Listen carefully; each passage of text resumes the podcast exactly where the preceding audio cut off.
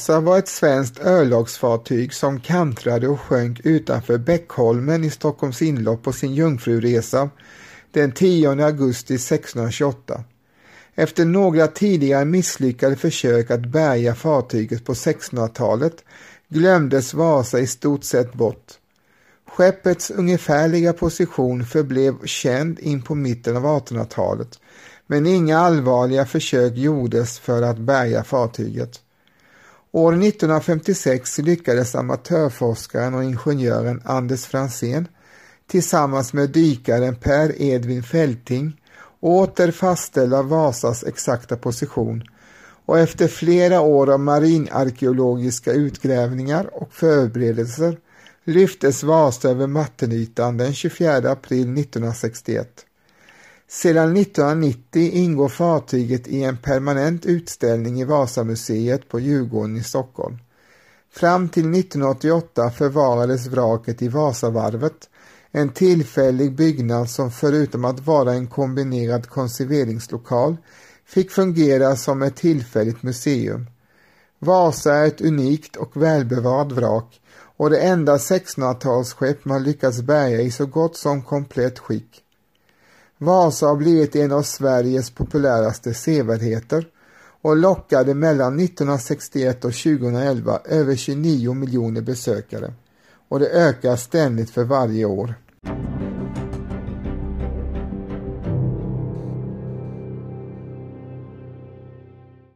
När Vasa byggdes var hon avsedd att bli en symbol för Sveriges militära och politiska makt, vilket även inbegrep Gustav II Adolfs auktoritet som krigarkonung.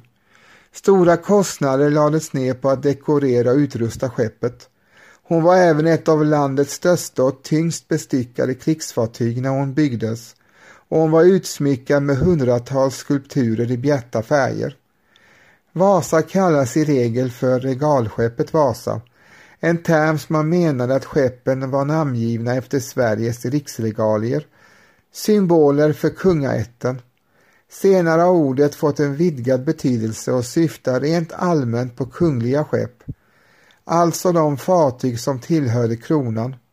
Vasa fick den beteckningen redan på 1600-talet. Den direkta orsaken till att Vasa förliste var att hon var för instabil för att kunna segla i hårdare vind.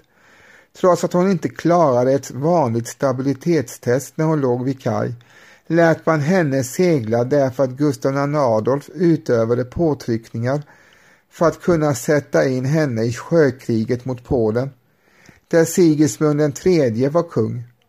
Förhör hölls efter förlisningen men eftersom kungen själv godkänt alla mått kunde ingen dömas som ansvarig för förlisningen. Inuti och kring skeppet har hittade man tusentals eh, föremål samt kvarlevor av 16 människor. Bland fynden finns kläder, vapen, kanoner, verktyg, mynt, mat och dryck och sex av Vasas tio segel, varav merparten genomgått omfattande konservering.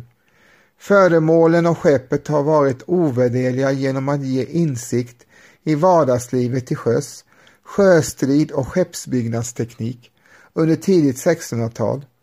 Sedan bärgningen har Vasa blivit en välkänd symbol för den svenska stormaktstiden och ett prestigeprojekt inom svensk och internationell marinarkeologi. Vasa har i media hos de svenska allmänheten blivit en allmänt erkänd standard för att beskriva den historiska betydelsen av kända skeppsvrak.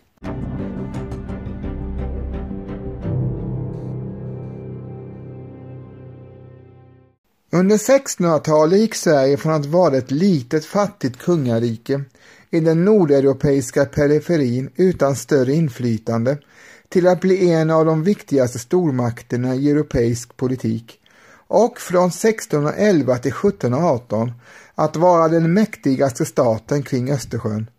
Perioden går under namnet stormaktstiden och möjliggjordes av en rad skickliga monarker och etableringen av en stark militariserad centralmakt med en effektiv krigsmakt. Processen används av svenska historiker som en av de mest extrema exempel på hur ett litet land utnyttjar så gott som alla sina resurser till att föra krig. Den lilla nordiska kungariket Sverige hade genom ett enormt skatteuttag förvandlats till en militärstat. Gustav II Adolf var en av de mest ansedda och krigiska av Sveriges kungar och hade regerat i mer än ett decennium när Vasa byggdes. Den svenska flottan var i dåligt skick och Sverige var i krig med Polen sedan 1625 och man var bekymrad över hur det 30-åriga kriget gick i Tyskland. Kriget hade rasat sedan 1618 och läget såg dystert ut för den protestantiska sidan. För att säkra Sveriges intressen och för att kunna föra effektivt krig med Polen krävdes en stark Östersjöflotta. Förutom Polen var den främsta konkurrenten om sjöherraväldet Danmark, vars kung Kristian IV, precis som Gustav II Adolf, engagerade sig personligen i arbetet med att bygga upp en slagkraftig flotta med hjälp av inhyrda utländska experter från bland annat Nederländerna och Tyskland. Den tysk-romerske kejsaren Ferdinand II var en av ledarfigurerna på den katolska sidan och han var allierad med Spanien under Filip IV. Båda tillhörde den mäktiga adelssläkten Habsburg och hade intressen av att få kontroll över handeln på Östersjön och därmed försvaga Nederländerna som dominerade handeln i regionen. Den svenska flottan drabbades av flera svåra bakslag under 1620-talet. 1625 råkade en flottstyrka utanför Rigabukten ut för en svår storm och tio skepp gick under och förstördes. I slaget på Danzigs rädd 1627 blev en svensk blockadstyrka utanför Danzig utmanövrerad och besegrad av en större polsk styrka och man förlorade två mindre skepp. Tigen, den svenska amiralens flaggskepp, tillfångatogs och solen sprängdes av sin egen besättning efter att hon äntrat och nästan tvingats till att stryka flagg. 1628 förlorade man ytterligare tre stora skepp på mindre än en månad. Amiral Claes Larsson Flemings flaggskepp Kristina förstördes i en storm utanför Danzig. Riksnyckeln gick på grund utanför Viksten och kanske mest förargligt för den svenska kronan sjönk Vasa under sin jungfrufärd. Situationen förvärvades ytterligare för flottan av att Gustav II Adolf förde krig på flera fronter. Förutom kriget mot Polen var man tvungen att ingripa mot katolska styrkor som hade ockuperat hela Jylland och hotade Köpenhamn. Även om den svenske kungen hade föga sympati för Kristian IV och arvfienden Danmark var det ännu värre om den strategiska passagen från Östersjön till Nordsjön skulle kontrolleras av katolska intressen. Fram till början av 1600-talet hade den svenska flottan främst utgjorts av små skepp, ofta pinasser och andra mindre fartyg med endast ett batteridäck, utrustat med relativt lätta kanoner samt mindre galärer, segelfartyg som även kunde manövreras med åror. De tyngsta pjäserna var främst 12-pundare kanoner som avfyrade kulor som vägde runt 12 pund, cirka 5,2 kilo. De små fartygen var billigare än stora skepp, bättre lämpade för skott och för att patrullera viktiga farleder och väl anpassade för Östersjön. En flotta med stora skepp kunde däremot ingjuta mer respekt och kunde vara ett effektivt sätt att etablera auktoritet över såväl fiender som allierade, även utanför Östersjön. För den ambitiöse krigarkonungen Gustav II Adolf var en flotta med en kärna av stora och slagkraftiga krigarskepp ett alternativ som inte fick gå förlorat. Vasa var den första av fem skepp som var avsedda att vara sin tids största och mest praktfulla fartyg. Tre av de fyra övriga skeppen, Kronan, Spiran och Göta Ark, fyllde framgångsrikt rollen som kärnan i den svenska flottan fram till 1660-talet. De skepp som var namngivna efter riksregalierna kallades regalskepp och var i praktiken också de största och tyngst beväpnade. Vasa benämndes regalskepp först efter att hon sjunkit även om hon idag är välkänd under den termen i anslutning till namnet regalskeppet Vasa. Begreppet användes endast under 1600-talet och beskrev inte någon specifik typ av fartyg. Fartyget var uppkallat efter vasen, den heraldiska symbol som ingick i Vasaättens släktvapen Som andra skepp uppkallade de efter symboler, föremål eller djur. På 1600-talet var namnet därför i bestämd form, det vill säga vasen.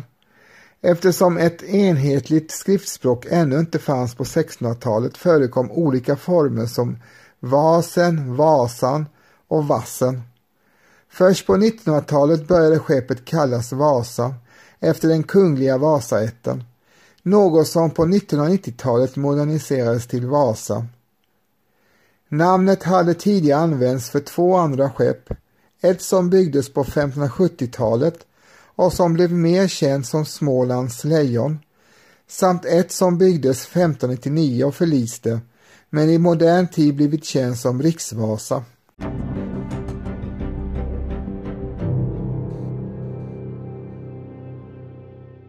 Vasa beställde 1625 tillsammans med tre andra fartyg. Arbetet på Skeppsholmens varv, idag Blaséholmen i Stockholm, leddes av Antonius Monier med nederländaren Henrik Hybertsson som skeppsbyggsmästare. Och efter Henrik Hybertssons död 1627 slutfördes bygget under ledning av hans hustru Margareta.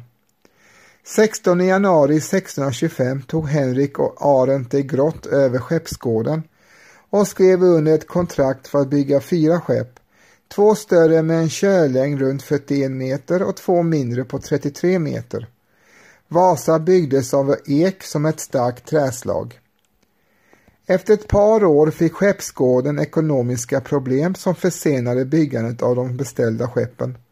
Samtidigt förlorade den svenska flottan tio skepp i en storm och kungen skickade ett brev till amiral Claes Fleming där han insisterade på att han skulle se till att Henrik snabbade på bygget av de två mindre skeppen. I brevet skickade kungen mått på skeppen som skulle ha en körlängd på 120 fot, cirka 37 meter. Det här orsakade Henrik problem eftersom de nya måttangivelserna nu låg mellan de tidigare angivelserna för de större och mindre fartygen och stockar till kölen hade redan huggits. I ytterligare ett brev 22 februari 1626 krävde kungen återigen att de nya måtten skulle följas. Hybelsson fick aldrig se Vasa färdigbyggd. Han blev sjuk i slutet av 1625 när byggnationen pågått i ett år och dog våren 1627. Ansvaret för bygget föll på Henriks assistent Henrik Hein Jakobsson, även han en nederländsk invandrare. Vasa hade en körlängd på 135 fot och var således ett av de största skeppen. Hon byggdes enligt det holländska maneret, vilket innebar att fartygen gjordes grundgående med en relativt flat botten.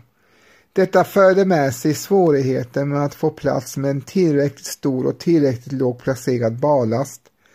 Vasa var också det första skepp som byggt enligt det holländska maneret som förseddes med två genomgående batteridäck samt plats för ett antal kanoner på övre däck. Vasa var tillräckligt långt kommen 1627 för att hon skulle kunna sjösättas på våren efter det började arbetet med att slutföra väderdäcket, akterkastellet, galjonen och riggen. Vid den här tiden hade Sverige fortfarande inte utvecklat någon större vävindustri för tillverkning av segeltyg och man var tvungen att beställa tyger från utländska tillverkare i Frankrike, Tyskland och Nederländerna. Segen tillverkades främst av hampa och delvis av lingarn Riggen var helt och hållet av hampa som importerats från Lettland via Riga. Kungen besökte skeppsgården i januari 1628 och gjorde vad som troligtvis var hans enda besök ombord. Våren 1628 när barlasten men inte bestyckningen tagits ombord gav amiral Fleming order om att man skulle nu pröva Vasas stabilitet.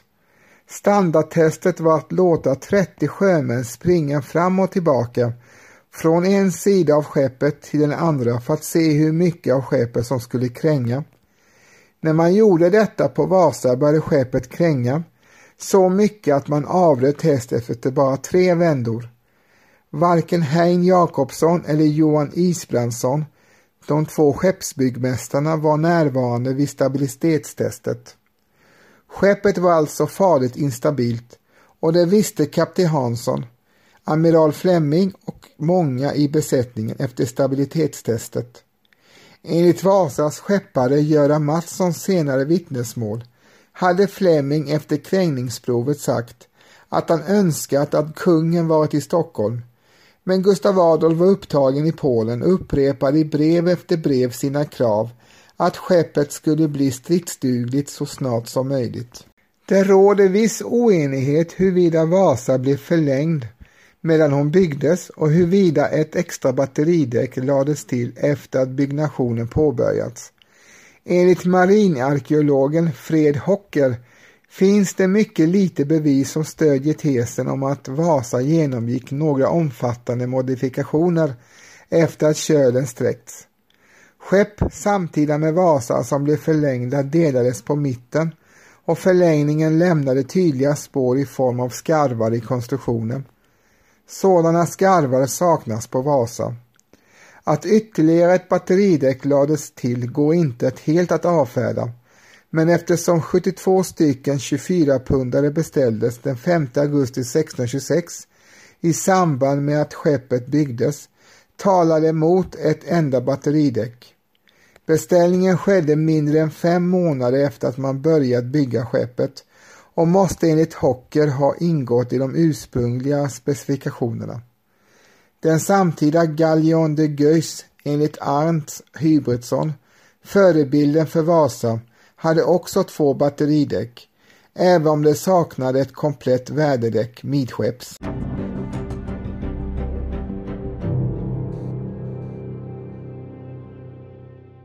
Vasa byggdes under en övergångsperiod för marin krigföring från en tid då äntring fortfarande var en aktuell och huvudsaklig taktik till tiden då linjeskeppen började dominera sjöslagen med fokus på överlägsen eldkraft och strikta formationer.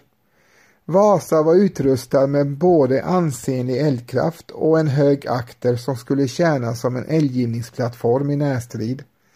Hon var inte det största skeppet som byggts och hade inte heller det största antalet kanoner. Det som gjorde att hon kan betraktas som det slagkraftigaste krigsskepp som hon byggdes var att hennes bredsida, den sammanlagda vikten av den ammunition som kunde slungas ut från en sida av skeppet om alla kanoner avfyrades samtidigt var på 267 kilo. Det var inte förrän på 1630-talet som ett skepp som kunde avfyra större mängd ammunition skulle byggas. Det här stora övertaget i eldkraft var också inhyst i ett skepp som var relativt litet i jämförelse med dess bestyckning. Som jämförelse hade USS Constitution, en berömd amerikansk fregatt som byggdes 169 år efter Vasa, en bredsida som var ungefär likvärdig, men med ett skrov som vägde över 700 ton mer än Vasa. Konstitution var dock byggd enligt de principer som följde linjetaktiken, där fartyg utkämpade slag i linjeformationer där fartyg försökte koordinera sig för att rikta sina bredsidor mot fienden. Kanonerna riktades åt samma håll och avfyrades ofta med en enda salva för maximal effekt. Under 1600-talet hade man ännu inte utvecklat någon organiserad taktik för segelfartyg i större formationer. Istället stred fartyget individuellt eller improviserade mindre grupper med fokus på att båda och erövra fiendeskepp.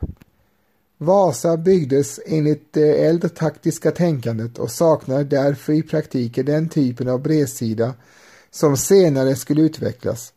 Istället riktades och avfyrades kanonerna var för sig för att kunna täcka fartyget åt alla håll. Vasas artilleri kunde således täcka en nästan komplett cirkulär skottradie runt skeppet med undantag för luckor rakt fram och snett bakom aktens sidor. Sjöartilleriet låg i början av 1600-talet ännu i sin linda. Kanonerna var dyra och hade en betydligt längre livslängd än något krigsskepp. I Sverige och många andra länder i Europa tillhörde inte enskilda pjäser ett skepp utan kunde bytas ut beroende på skeppets syfte och uppdrag. Det var inte alltför ovanligt att kanoner kunde tjänstgöra i närmare hundra år och de flesta krigsskepp hade ett livslängd på sisådär 15 till 20 år. Skeppen blev därför mestadels utrustade med kanoner av varierande ålder och storlek. Det som gjorde att Vasa kunde ha en så stor eldkraft var inte bara ett osedvanligt stort antal kanoner relativt utrymmet utan även att 46 av de 48 24-pundarna var av ny och lättare konstruktion. De återstående två 24-pundarna var den äldre typen, tyngre.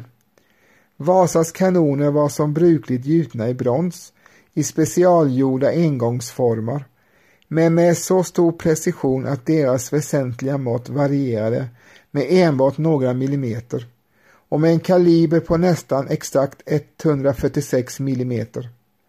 Den totala vikten för kanonerna var 72,2 ton. I övrigt bestod bestyckningen av åtta stycken trepundare, två stycken enpundare, sex stycken grovkalibriga så kallade stormstycken, rundkulor och så kallade avringningsskott, pickelod, saxelod, kedjelod och länklod utgjorde ammunition samt brandbomber och fyrkassar. Enligt bevarade handlingar skulle Vasa medföra sex tunnor och 145 pund krut. En 24-pundig kanon krävde en bemanning av sju man som var utrustade med laddskiffel, viskare, sättare, kruthorn, lundstake, kanonspakar med mera.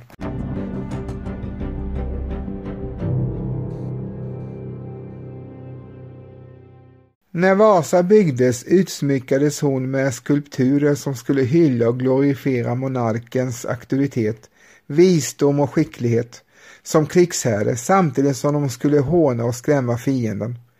Skulpturerna utgjorde en ansenlig del av den totala kostnaden för byggarskeppet och vägde så mycket som att de i viss mån hämmade skeppets manöverduglighet.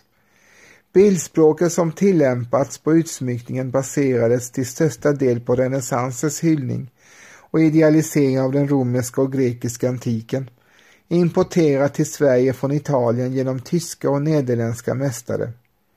Motiven domineras av Medelhavets mytologi och historia, men det finns även figurer från Gamla testamentet och till och med ett fåtal från den gamla Egypten.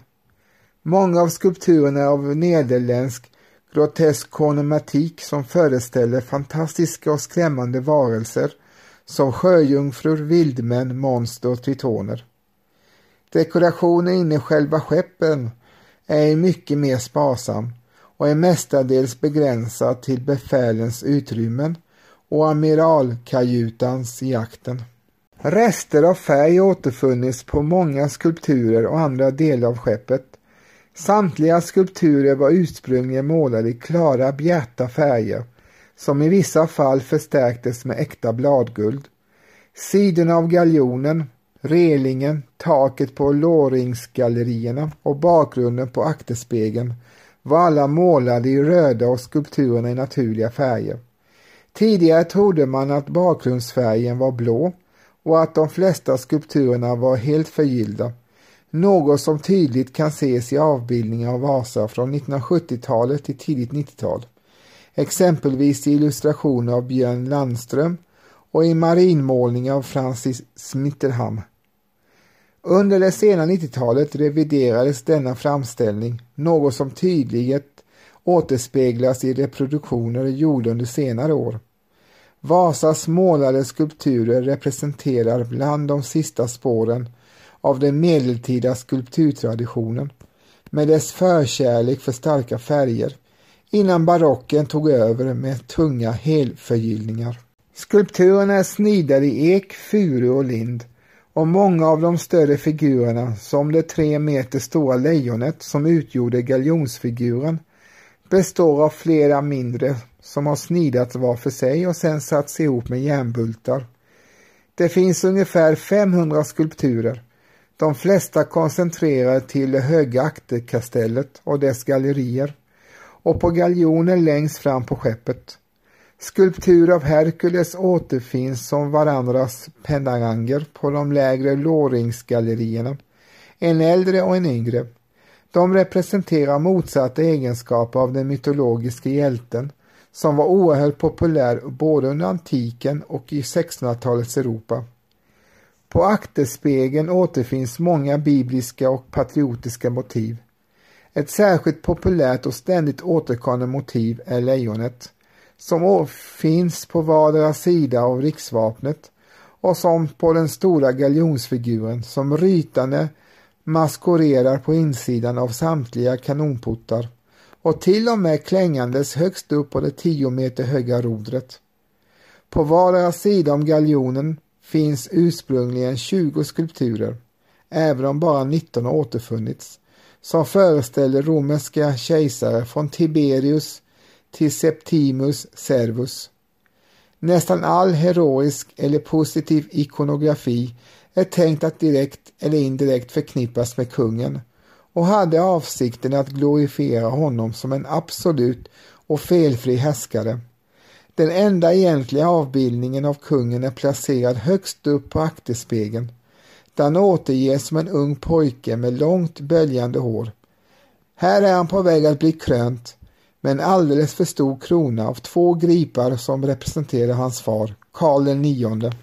Minst sex mästersnidare arbetade minst två år med att färdigställa skulpturerna och assisterades troligen av ett okänt antal lärlingar och medhjälpare. Ingen skulptör har kunnat signera sina verk med den distinkta stilen hos en av de mest erfarna bildsnidarna, tysken Morten Redmer, går att identifiera. Andra konstnärer som Hans Klausink, Johan Didriksson Thyssen och möjligtvis Marcus Ledens var anlitade för omfattande arbete vid skeppsvarven när Vasa byggdes, men deras stilar har inte gått att associera med individuella skulpturerna.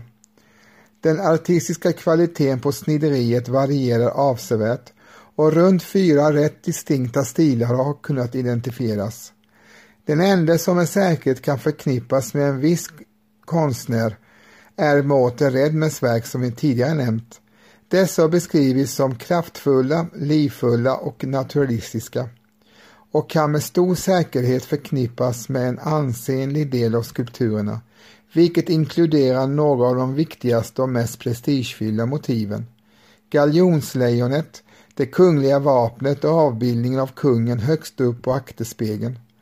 Två av de andra stilarna beskrivs som elegant, lite stereotypt och manieristiskt respektive tung, sävlig men ändå rik och livlig.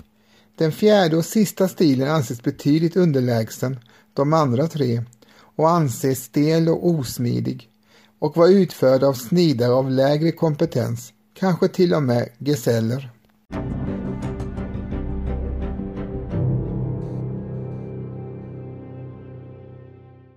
10 augusti 1628 beordrade kapten Söfring Hansson att Vasa skulle sätta segel på sin jungfrufärd mot ankringsplatsen vid Älvsnabben i Stockholms skärgård, där hon skulle ta ombord soldater och proviant. Dagen var klar och stilla och den enda vind som blåste var en lätt bris från sydväst. Skeppet boxerades längs stranden till den södra delen av hamnen, där man satte tre av de tio seglen och skeppet började röra sig österut.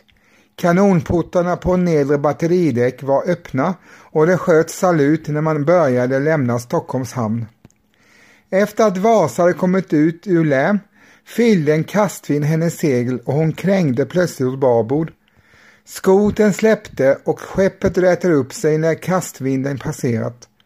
Snart kom ytterligare en kastvind som åter tvingade ner skeppet på babords sida och den här gången krängde hon så kraftigt att vatten började forsa in i de öppna kanonportarna. Det inrusade vattnet gjorde att Vasas slagsida ökade och att barlasten blev förskjuten. Hon kantrade och sjönk på 32 meters djup, 120 meter från stranden. Överlevande besättningsmedlemmar klängde sig fast vid flytande bråte och de många närliggande småbåtarna som låg ute skyndade sig att undsätta. Trots att deras insatser och det korta avståndet till land drunknade mellan 30 till 50 människor när skeppet sjönk enligt samtida rapporter. Flaggor och vimplar på för och stormasten stod fortfarande ovanför vattenytan men lutade kraftigt åt babord eftersom ballasten hade förskjutits när skeppet kantrat. Vasa sjönk i åsynen av en stor folkmassa om hundratals människor, om inte tusentals, vanliga stockholmare som hade kommit för att se det stora skeppet avsegla. Bland åskådarna fanns även utländska ambassadörer som tjänstgjorde som spioner åt Gustav II Adolfs vänner och fiender.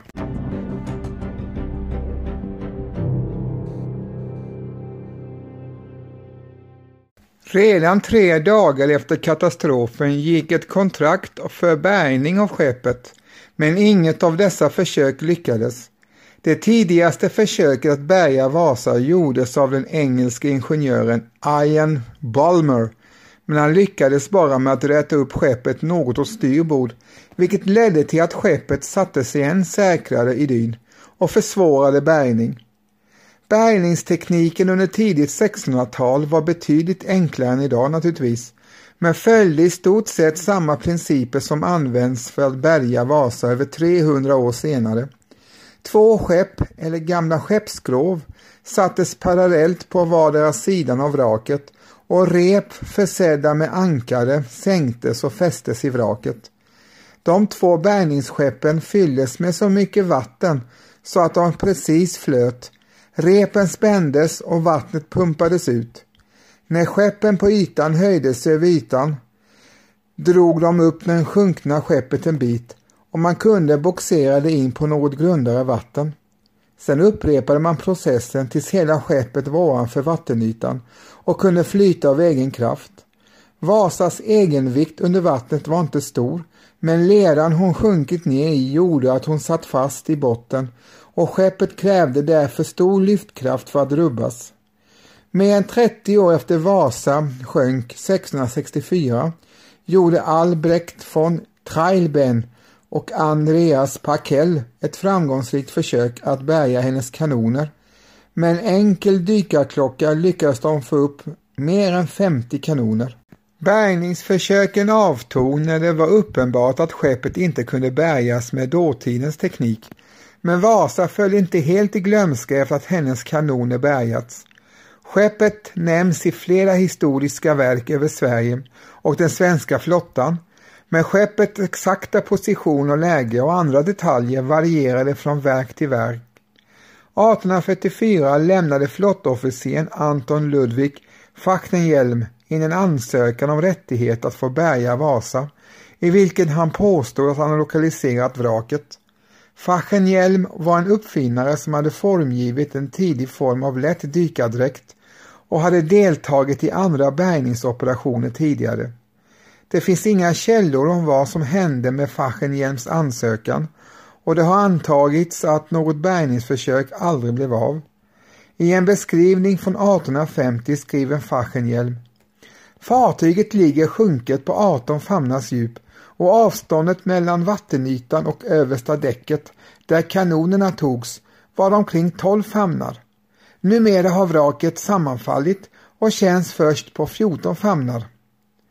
1991 hittar man i karta i Stockholms stadsmuseums arkiv som daterats till 1830-talet eller 1840-talet där skeppets exakta position angetts på en karta med beskrivningen vrak bredvid en prickad cirkel inklusive detaljerande djupangivelse kring vrakplatsen.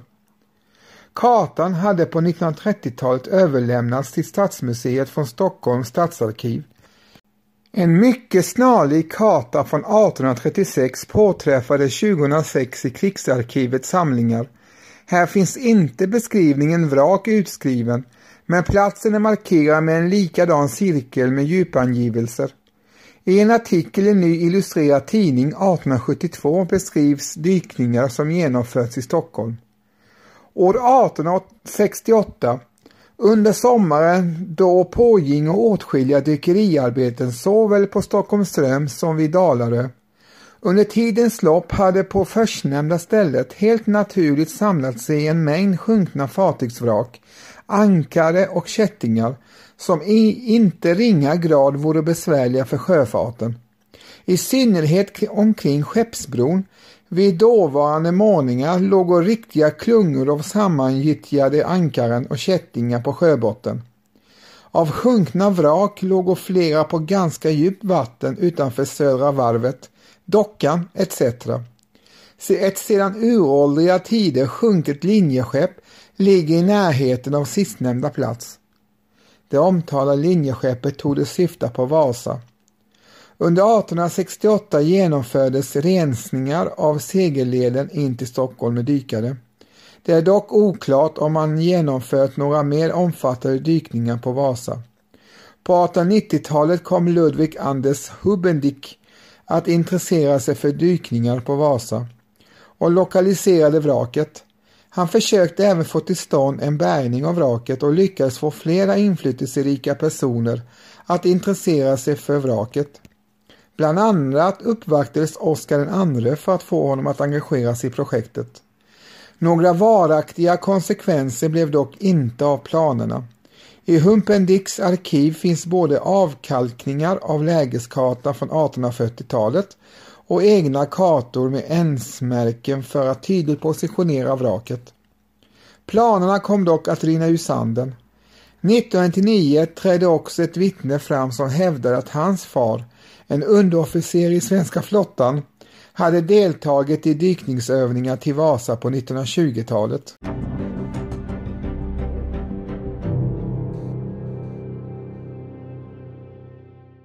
Under de 333 år som Vasa låg på botten av Stockholms inlopp utsattes skeppet och dess innehåll för ett antal destruktiva krafter, varav nedbrytning och erosion var de främsta.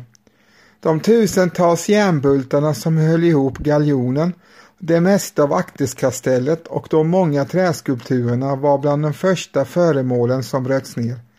Så gott som allt järn på skeppet rostade bort på bara några år efter katastrofen och av de större järnföremålen som kanonkulor återstod endast kol.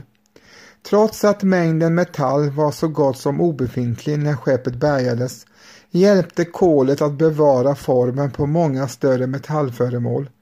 Av de mänskliga kvarlevorna blev alla mjukdelar snabbt uppätna av bakterier, fisk och skaldjur och endast benen återstod, ofta sammanhållna endast av kläder. Kläder och läderföremål såsom skinnpungar och skor blev illa åtgångna, men mycket förblev i stort sett intakt till 1900-talet. Hela akterkastellet, den höga konstruktionen i akten, där officerarna hade sina hytter, kollapsade gradvis ner i dyn runt skeppet med alla utsmyckningar, all färg och förgyllning, så när så på enstaka spår försvann. Låringsgallerierna som var fästade på sidan av vaktkastellet kollapsade tidigt och återfanns liggande nästan precis direkt nedanför där de ursprungligen suttit. Många träföremål blev eroderade av strömmarna och det sediment de bar med sig och många skulpturer blev så nedslitna att de nätt och jämnt gick att identifiera som utsnidade föremål. Utöver förfallet som orsakades av naturliga krafter blev vraket skadat av rent mekanisk inverkan orsakad av människor. De mer eller mindre lyckade bärgningsoperationerna från 1629 till 1680-talet hade en stor inverkan på skeppets struktur.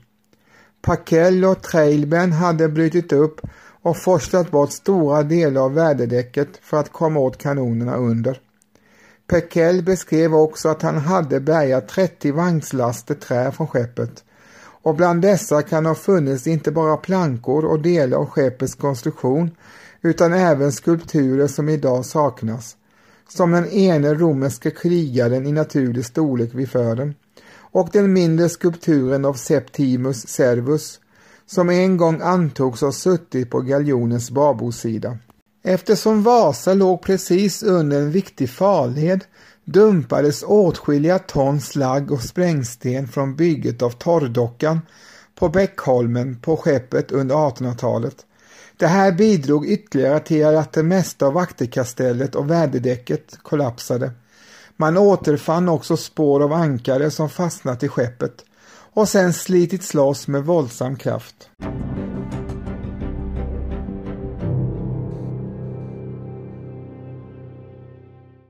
I början av 1950-talet övervägde amatörarkeologen Anders Fransén möjligheten att bärga vrak från de kalla bräckta vatten i Östersjön eftersom de var fria från skeppsmasken som i varmare och saltare vatten snabbt brukar förstöra sjunkna träskepp.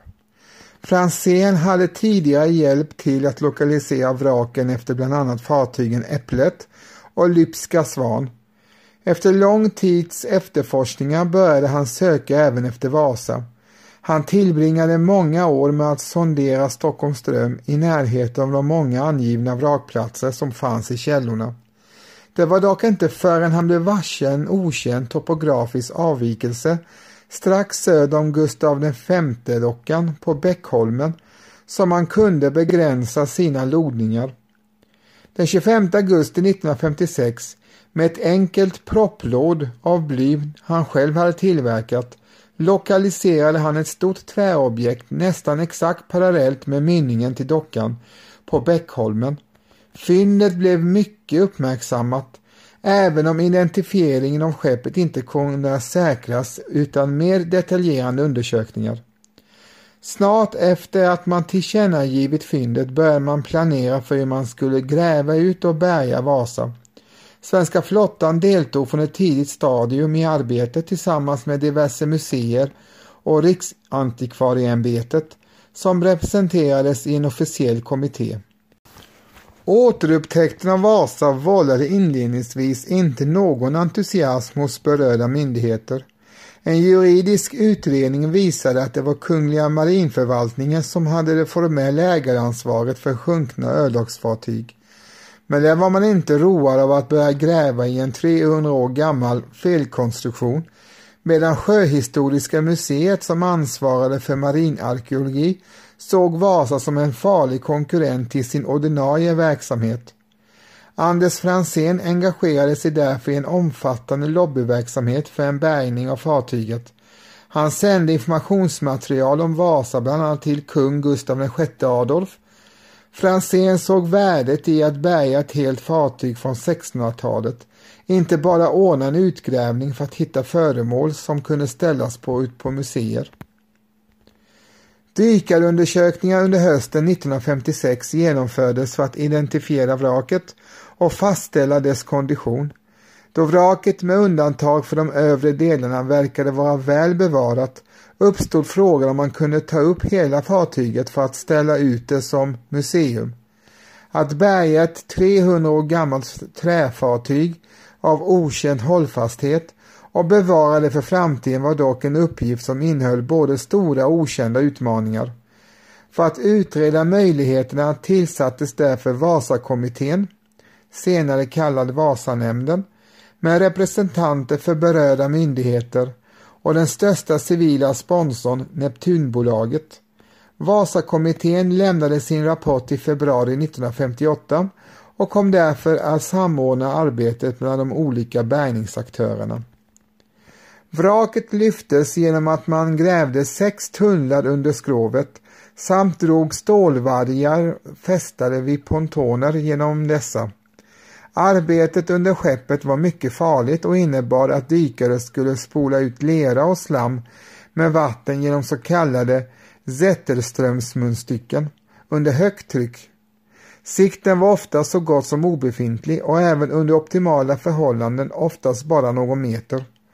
Det fanns en mycket påtaglig risk att vraket när som helst skulle förskjutas eller sättas i djupare dyn medan en dykare arbetade genom tunnlarna. Den nästan vertikala sektionen av tunnlarna på skrovets sidor kunde också kollapsa och begrava dykare. Från hösten 1956 till april 1961 genomfördes 36 tungdykare från marinen 2200 dykningar omfattade 4500 timmar under ledning av Per Edvin Fälting. I fler än 1500 dyktimmar låg marinens dykare nere i leran och gyttjan i en 80 x 100 cm bred tunnel, 33 meter under havsytan och 22 meter in i tunneln. Man arbetade där med vattenspolning och sugslangar i en fullständig mörker, instängda i en dykarhuv vid många tillfällen utan att kunna vända sig om i tunneln. Trots de farliga förhållandena skedde inga allvarliga olyckor. Skeppet förflyttades till grundare vatten genom 18 lyft mellan augusti och september 1959.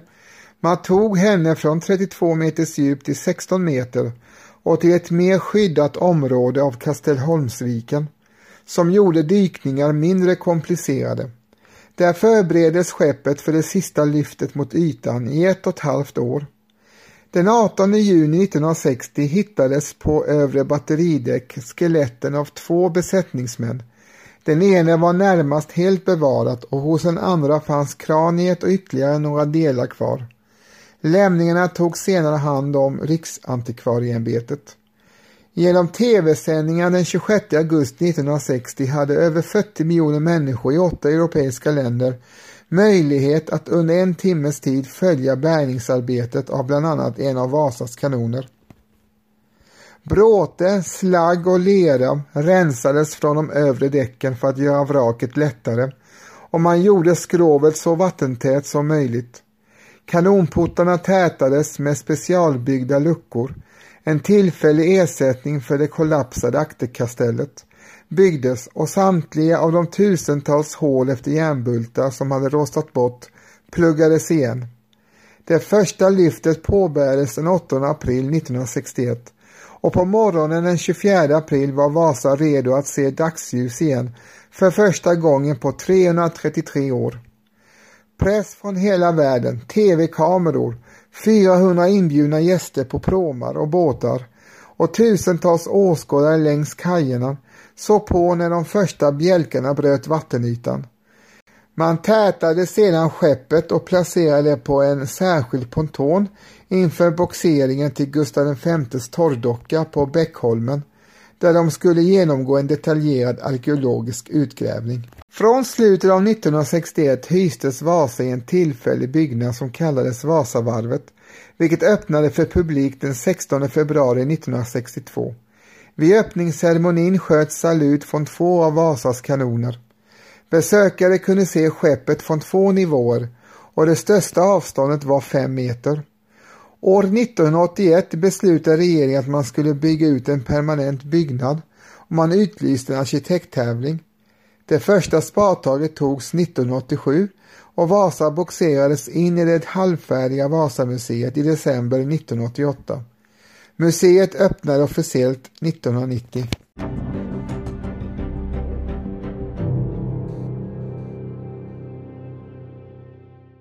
På Vasas tid känner man inte till några metoder för att beräkna ett fartygs stabilitet utan var hänvisad till erfarenheter från tidigare byggda fartyg. Efter Vasas bärgning och efter att skrovet och riggens dimensioner kunde mätas och barlasten vägas kunde konstateras att Vasa på sin jungfruresa hade en så dålig stabilitet att en vindby räckte för att få den att kantra. Åsikterna går fortfarande isär om vad som utlöste katastrofen och vem som kan ha betecknats som skyldig. Däremot anses det helt klart att Vasa inte var en beprövad konstruktion och att hon hade ett mycket stort antal kanoner i förhållande till sin vikt. Om de nedre kanonportarna varit stängda hade kanske katastrofen kunnat undvikas. En annan skeppsbyggare än Hybertsson hade möjligen kunnat förutse problemen och ökat ballasten eller gjort henne bredare och på så sätt undvikit katastrofen. Dessutom dog Hybertsson ett år före jungfruseglatsen och skeppsbyggsmästaren Hein Jakobsson tog då över bygget. Förhörsledarna konstaterade att Vasa antingen var välbyggd, men felproportionerat. Efter Vasa byggdes stabila krigsfartyg med två och tre batteridäck. Sjöstriden hade under denna tid övergått från att ha bestått av att fiendeskepp närmade sig och sköt några skott och sen snabbt övergick till närstrid, därav de 300 soldaterna. Efter cirka 1680 skulle den så kallade linjeskeppstaktiken helt ta över. Den bestod av att de två fiendeflottorna formerade sig på linjer och sköt mot varandra från avstånd. Vasa är en konstruktion som faller mellan dessa två taktiker. Den 20 meter höga akterkastellet lämpar sig väl för att låta soldater skjuta nedåt på de lägre fartygen samtidigt som de två batteridäcken gav skeppet stor eldkraft.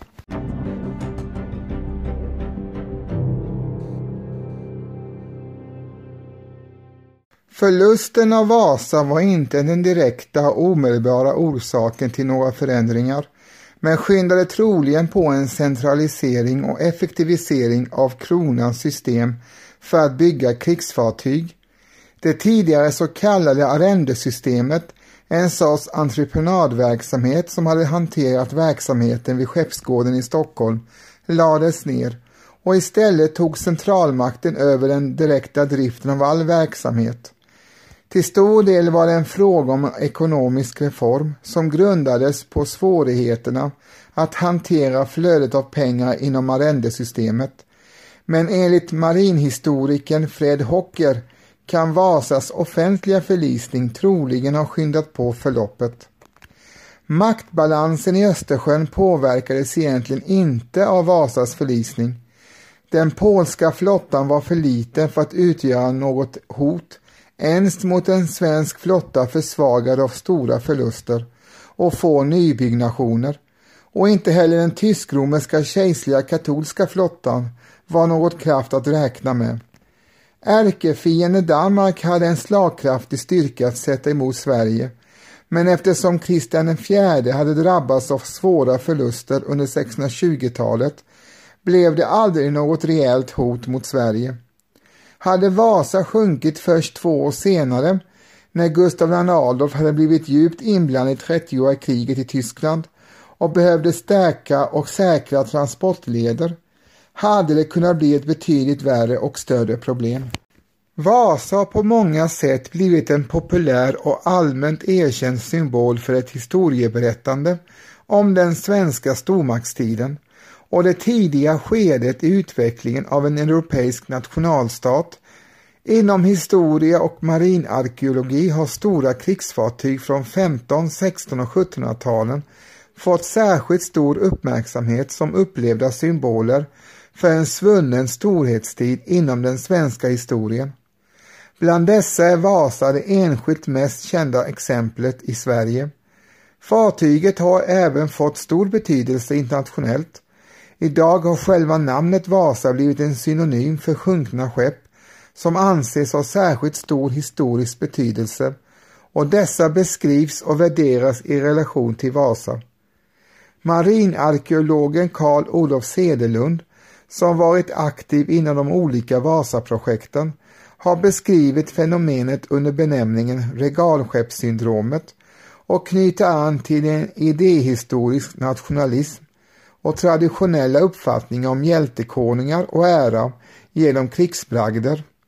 Fokuset ligger på stora perioder inom Sveriges historia och har stora likheter med hur man i Norden ser på vikingatiden och inom västvärlden på den romerska och grekiska antiken. Sedelund har pekat på den rituella karaktären i till exempel den vida uppmärksammade bärgningen av Vasa och jämfört Vasamuseet med ett tempel i klassisk bemärkelse. Museets placering på Djurgården, traditionell kunglig mark och dess fokus på kungens skepp har föranlett en beskrivning av det stora kungliga skeppets tempel.